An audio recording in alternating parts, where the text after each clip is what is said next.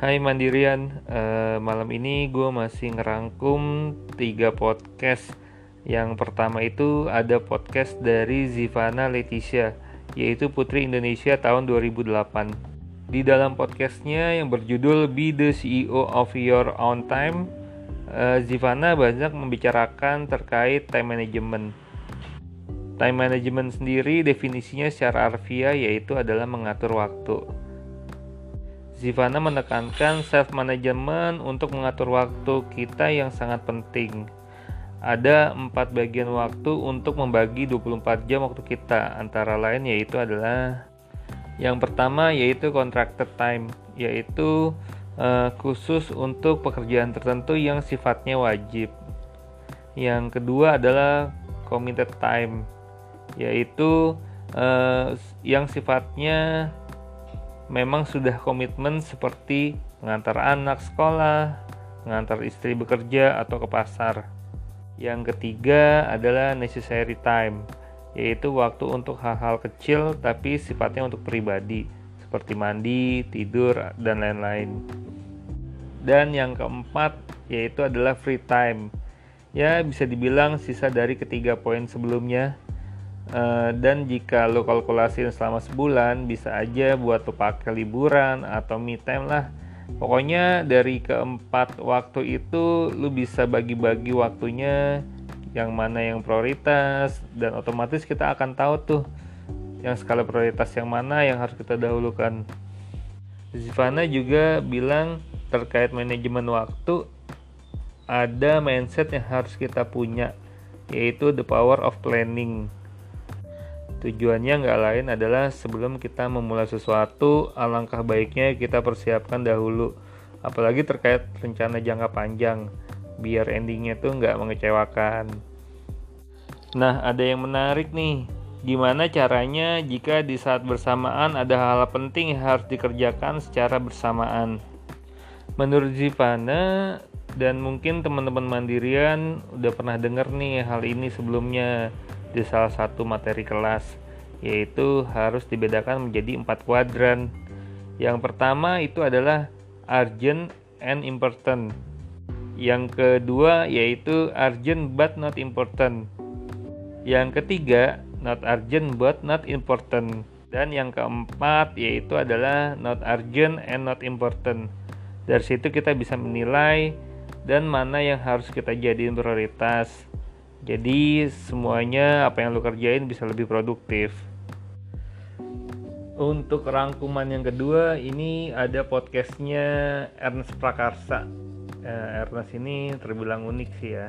Uh, selain komika dia juga sutradara, aktor juga, pokoknya ya serba bisa lah dia ya. Dalam podcastnya terkait cognitive flexibility uh, Ernest itu bilang kemampuan untuk mengerjakan banyak hal dengan fokus dan hasilnya akan menjadi maksimal. Skill penting untuk bersaing di era teknologi sekarang, cognitive flexibility ini memang berbeda dengan multitasking. Mungkin proses perpindahan fokus dan beradaptasi kepada lingkungan untuk tugas-tugas beragam dalam kognitif fleksibel itu emang nggak mudah. Perlu berlatih kedisiplinan membagi waktu dengan terstruktur dan tahu kapan pekerjaan harus dikerjakan. Hmm ya seperti itu. Mengasah kognitif flexibility itu sebenarnya mudah ya. E, contohnya nih misalkan e, kita disiplin waktu. Jadi kita bisa memanage pekerjaan dengan cara kita disiplin akan pekerjaan tersebut waktunya bisa cepat. Seperti itu. Uh, cognitive flexibility itu juga bisa dilakukan di pekerjaan apa pun dan sama siapa aja bisa. Kuncinya yaitu adalah kedisiplinan dengan sistem masing-masing. Kita juga harus bisa menularkan cognitive flexibility itu ke tim ke teman-teman sekitar kita. Kuncinya itu adalah disiplin waktu expand potensi tim menggali kemampuan anggota tim, dan mengajak anggota tim untuk berani mengambil pekerjaan yang variatif. Tujuannya nggak lain adalah agar semua tim kita itu memiliki skill set yang lebih baik dan lebih variatif lagi. Oke, yang ketiga sekarang uh, podcastnya dari Wisnu Tama. Siapa sih yang nggak kenal Wisnu Tama ya? Uh, sekarang menjabat sebagai Menteri Ekonomi Kreatif.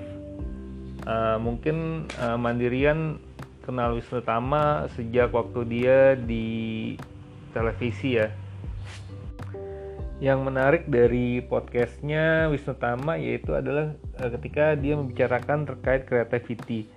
Sebenarnya creativity seseorang itu nggak muncul dengan sendirinya, tapi ketika lu udah sering bersinggungan dengan eh, hal-hal uh, kreatif dari sejak kecil atau mungkin hal-hal kecil yang bersifat kreatif, uh, otomatis uh, pola pikir lu itu akan dibentuk mengarah bahwa lu akan menjadi seorang yang kreatif juga gitu. Dan Wisnu Tama juga nggak segan-segan dia mau terjun langsung di setiap prosesnya. Jadi kreativitasnya itu akan sejalan dan akan mendapatkan impact yang besar ketika lu terjun langsung di semua prosesnya itu. Wisnu Tama juga menekankan bahwa ketika lu mau menciptakan suatu kreativitas lu juga harus tahu semua prosesnya. Mulai dari awal sehingga dengan sampai dengan tahap akhirnya. Jadi antara awal dan akhir semua prosesnya lo harus tahu tujuannya adalah ketika lo udah bisa mengerti semua prosesnya maka seminimal mungkin ya nggak akan ada e, masalah lah setiap lo akan membuat suatu kreativitas. Ada satu quote-nya Wisnu Tama tuh yang sering banget dia ucapin gitu loh. Setiap ada dia mau bikin event dia selalu ngucapin zero mistake. Zero mistake apa sih zero mistake menurut Ustama jadi yang menurut dia zero mistake itu yang sering disebutin sama dia itu sebenarnya gini ya. Jadi setiap uh, semua orang lah gitu ya kalau mau bikin event kalau mau ngadain sebuah acara pasti kan nggak terlepas dari namanya mistake ya. Cuman gimana caranya dia tuh menerapkan mindset gitu ke kepada semua timnya. Jadi kalau bisa kita tuh semua zero mistake zero mistake. Jadi meminimalisir semua permasalahan gitu walaupun memang pada kenyataannya pasti ada aja hal kecil yang miss misalkan ya. Tapi dengan di awal kita udah punya mindset bahwa semua event, semua agenda atau semua acara itu kita mindsetin bahwa zero mistake zero mistake.